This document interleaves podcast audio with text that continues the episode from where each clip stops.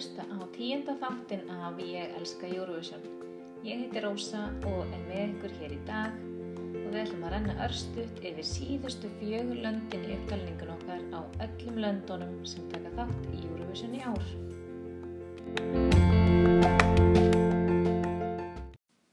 Við skulum bara vinda okkur í þetta strax og hefst lesturinn að þessu sinni á Svíþjóð. Svíþjóð er land sem kann sko á Eurovision. Þeir eru búinir að finna uppskriftina. Þeir tóku fyrst þátt árið 1958 og hafa tekið þátt 59 sinnum síðan þá. Þeir hafa sigrað keppnina 6 sinnum árið 1974, 84, 91, 99, 2012 og 2015. Svíjar hafa svo tvísva sinnum lent í neðsta sæti og fengu einu sinni núlstig og það var árið 1963. Fyrsti sigur Svíþjóðar var að sjálfsögðu þegar ABBA söng lagið Waterloo svo eftirminnilega árið 1974. Næsti sigur þeirra árið 84 var með laginu Diggi Lú Diggi Lei flutt af Harris. Árið 1991 var það svo hún Carola sem sigraði með læginu Fangad af en stormvind. Fjórði sigur Svíþjóðar árið 1999 var svo þegar Charlotte Nilsson rétt svo náði að vinna hana selmu okkar með læginu Take Me To Your Heaven. Árið 2012 var það svo hún Lorín sem sigraði með læginu Euphoria sem er sennilega eitt besta og vinsalasta Eurovision lag sögunar algjört mistaraverk. Síðast sigruðu svíjar svo árið 2015 með læginu Heroes sem hinn súkulaði sæti manns Selmerlov flutti og heitlaði alla Evróp upp úr skónum gjössanlega. Allavega mig og Molly, hún er mætt hérna, hún er alltaf mætt um leið og ég byrja að taka upp. Hún er mikill aðdándi Eurovision. Svíjar hafa komist upp úr undankjafninni 15 sinnum af 16 skiptum. Það var árið 2010 sem þeir komist ekki áfram. Þá söng hún Anna Bergendal lagið This is my life. Verða viðkjöna ég man ekki eftir því lagi.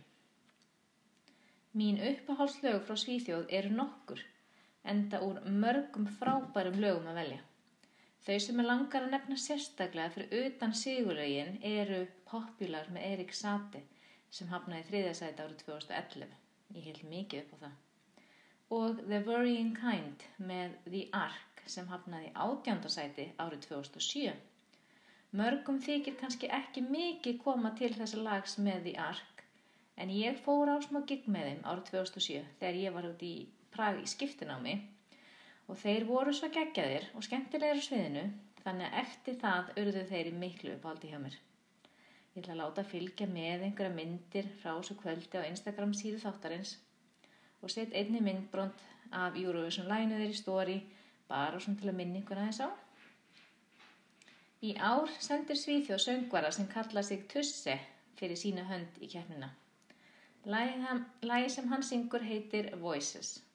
Tusse sigraði Melody Festivalin fyrir árinu og sigraði hann þar nokkra vinsala tónlistamenn í Svíþjóð til að mynda Erik Sate sem ég nefndi hér áðan The Mamas sem hefði keft fyrir hönd Svíþjóðar í fyrra ef keppninni hefði ekki verið aflýst og Dotter sem personlega var mitt uppáhald í keppninni bæði ár og í fyrra.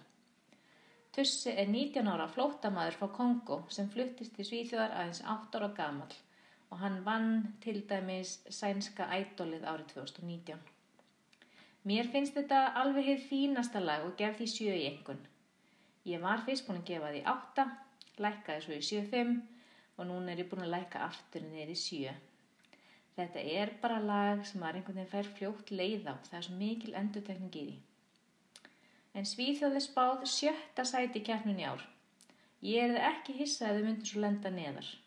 Það gæti gerst að nákvæmlega sama kom fyrir John Lundvik hennum árið hvað var það ekki 2019 þegar dómnendin gaf hann alveg hellingastegum en símakostningin dróða niður mér er stengun einn alveg líklegt ég held bara að fólk sé komið leið kannski smá á þessari fullkomnu uppskrift af Eurovision sem Svíþjóðu búið finna upp á Förum þá næst yfir til Tjekklands Tjekkland er land sem ég held alltaf soldið með þar sem ég var í skiptinámi þar eins og ég sagði hér rétt áðan. En það er samt rosalega erfitt að halda með þeim í Eurovision því þeir sendi yfirleitt mjög lélega í kjærnina. Tjekkar tóku fyrst þátt í Eurovision árið 2007 og hafa tekið þátt átta sinnum síðan þá. Þeir hafa tvísvarsinum lengt í neðstasæti kjærninni árin 2007 og 2009 þannig að þeir hófu sinn Eurovision feril bókstaflega á botninum. Þeir hafa aðeins þrísvarsinum komist upp úr undankjæfninni, þannig að þeir hafi rauninni þá ekki nema þrísvar verið með í aðal kjæfninni. Eftir að hafa ekki komist upp úr undankjæfninni þrjú ári rauð, frá 2007 til 2009 tóku þeir sér pásu frá kjæfninni og sneru ekki aftur fyrir árið 2015. Þá voru þeir með alveg ágætt lag, Hope Never Dies, en þeir komist samt ekki áfram. Ári síðar, árið 2016, var fyrsta skipti sem þeir komist áfram og voru með í aðalkefninni en þá höfnuðu þeir í næst neðsta sæti. Þannig að saga tjekka Eurovision er ekkert sjálflega góð. Besti árangur tjekka er sjötta sætið sem þeir náðu árið 2018 með læginu Lie to Me sem var flutt af honum Mikolas Jósef. Þið muni kannski eftir strafnum sem var með bakboka og axlabönd á sviðinu, flossaði og fór í helgjastökk, svo eitthvað sem nefnd. Mér finnst það mjög skemmtilegt aðri og ég var mjög ánægð að tekkar skildu loksinn sendi eitthvað gott lag í keppnuna sem ég gæti actually haldið með. Svo ég vel það klálega sem mitt upp að hálst tekniska framlega í keppninni. Í ár er það tónlistamæðurinn Benny Cristo sem fer fyrir hönd Tjekklands til Rotterdam. Hann syngur lagið Oh My God sem stendur bara fyrir Oh My God og er svona feel good poplag með kannski smá reggi ífavi Ég held að hann sé svona reggi tónlistarmadur ef ég fer ekki með nátt mál. En ég get því miður ekki haldið með Teklandi ár þar sem að ég fíla þetta lag bara eiginlega alls ekki. Ég gef því samt sex í engun og eins og staðinni núna þá er Tekum spáð 3004. sæti keppninni. Þannig að það verður mikil hefni ef þeir komast áfram úr undan keppninni sem að eins og staðinni núna verður að teljast frekar ólíklegt. Næst er þá Úkraina. Úkraina tók fyrst átt í Eurovision árið 2003 og hefur tekið þátt 15 sinnum síðan þá. En þeir voru ekki með í keppninni árið 2015. Úkraina hefur tvísvarsinnum unnið Eurovision árið 2004 og 2016. Tvö mjög ólík atriði. Ég elska annað þeirra en hata hitt. Þið með ekki íska hvort þið hvað. En árið 2004 var það hún Rustlana sem sigraði keppnina með lægið Wild Dances. Hún er einmitt oft kölluð Íslandsvinnur að því hún kom einhver tíman hérna til Íslands og var með eitthvað sjó. En þetta lag þekkja allir Íslandingar, enda mjög vinsall lag að spila á skemmtustöðum og í partíum, eða þið vitið allavega hjá mínum aldursóp. Árið 2016 var það svo hún Jamala sem sigraði með læginu 1944. Íslendingar voru greinlega ekki hrifnir að þessu lagi því við gáðum því ekki eins og stig hvorki frá dómnind nýja símakostningu. Ég sjálf bara geti þetta lag ekki og er ennþá vonsvikinn að það hefði unnið. Ég er á þeirri skoðun að það var pólitík sem gaf þeim sigurinn þetta árið. Fólk vorkendi þeim að því að þeir voru tapastríðinu við Rúslandum krímskagan og lagið fjallaði um það. Sem er auðvitað mjög sorglegt mál, ég ætla ekki að gera lítið úr því hér, en Ég hefði frekar vilja sjá Ástralíu, Búlgaríu eða Póland vinna þetta ár. Það, þau voru með mikið betri lög að mínu mati. En já, já, ég er örgulega búin að móka einhverja hlustendu núna. Ég vona að þið fyrirgefu mér. Og ég tek það fram hér aftur að þetta er bara mín skoðun, þetta er aldrei personulegt. Þó ég sé hér að tala ítlum eitthvað lag sem þú fílar, þá er örgulega eitthvað annar lag sem við erum sammálum. Ég er bara að segja mína skoðanir sem endur speiklaða sjálfsögðu ekki skoðun þjóðarinnar.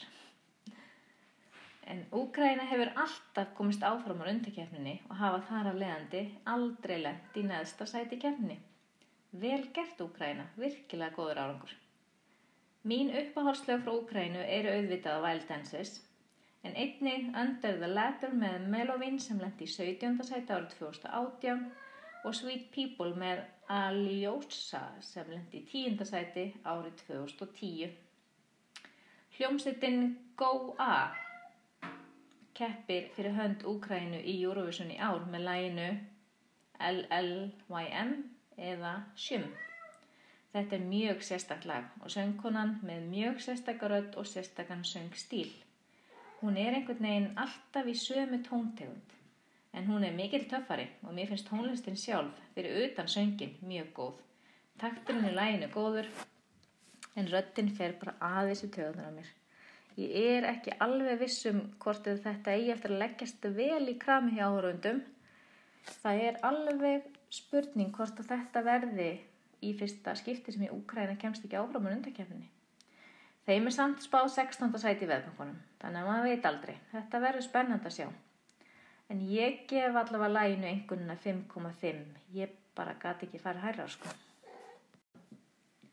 Þá er komið að síðasta landinu í þessari upptalningu hjá okkur og er það sjálft Þýskaland sem er aftast í rauðinni. Þýskaland tók fyrst þátt í Eurovision árið 1956 og hafa tekið þátt 63 var sinnum. Þeir hafa tvísvarsinum unni keppnuna árið 1982 og 2010. Þjóðverðar hafa svo sjösinnum lengt í neðstasæti og þrísvarsinum fengið núlstig. Þjóðverjar tilheyra hinnum Big Five og þurfa því aldrei að fara í gegnum undankefnir. Árið 1982 sigruðu þeir með læginu Ein Bitchen Frieden sem flutt var af Nikólu og svo árið 2010 sigruðu þeir þegar hún Lena söng lægið Satellite. Mín uppáháslög frá Þýskalandi eru meðal annars Satellite, You Let Me Walk Alone frá 2018 sem lendi í fjórðasæti og Black Smoke frá 2015 sem hafnaði í neðsta sæti. Skil þau úslit ekki ennþá? Mjög gott lag og til klálega skilið meiri aðtikli. Í ár gefur söngvarinn Djendrik fyrir hönd Þískalands með læginu I Don't Feel Hate. Þetta var, þetta er voðalega krútlegt lag og allt það, en samt einhvern veginn ekkert spennandi og eiginlega bara ekkert gott. Ég gefði fimm í engun og ég er nokkuð vissum að þetta lag þyrrt að fara í gegnum undankefni, þá myndi það ekki komast áfram. Jæja, þá er upptalningun á löndunum 39 sem keppa í ár lokið. Í næsta þætti mun ég svo fara yfir fyrir undankefnina og spá fyrir um úslitin á samt gæsti. Endilega fylgir Instagram og Facebook síðu þáttarins sem heita báðar Ég elska Eurovision. Því ég set alltaf stóri eftir hvert þátt með lögum sem spjalla var um, hef kostningar þar sem þið getið tjáð ykkar skoðun á lögunum og ímislegt fleira efni tengt Eurovision. Það væri mjög gaman að sjá okkur þar. Og ekki heika við að senda mér skilabóð með efni þáttana, hvort sem það er þá bara til að spjalla um þáttin eða senda mér ábendingar. Takk kærlega fyrir að hlusta. Takk til næst. Bæjó!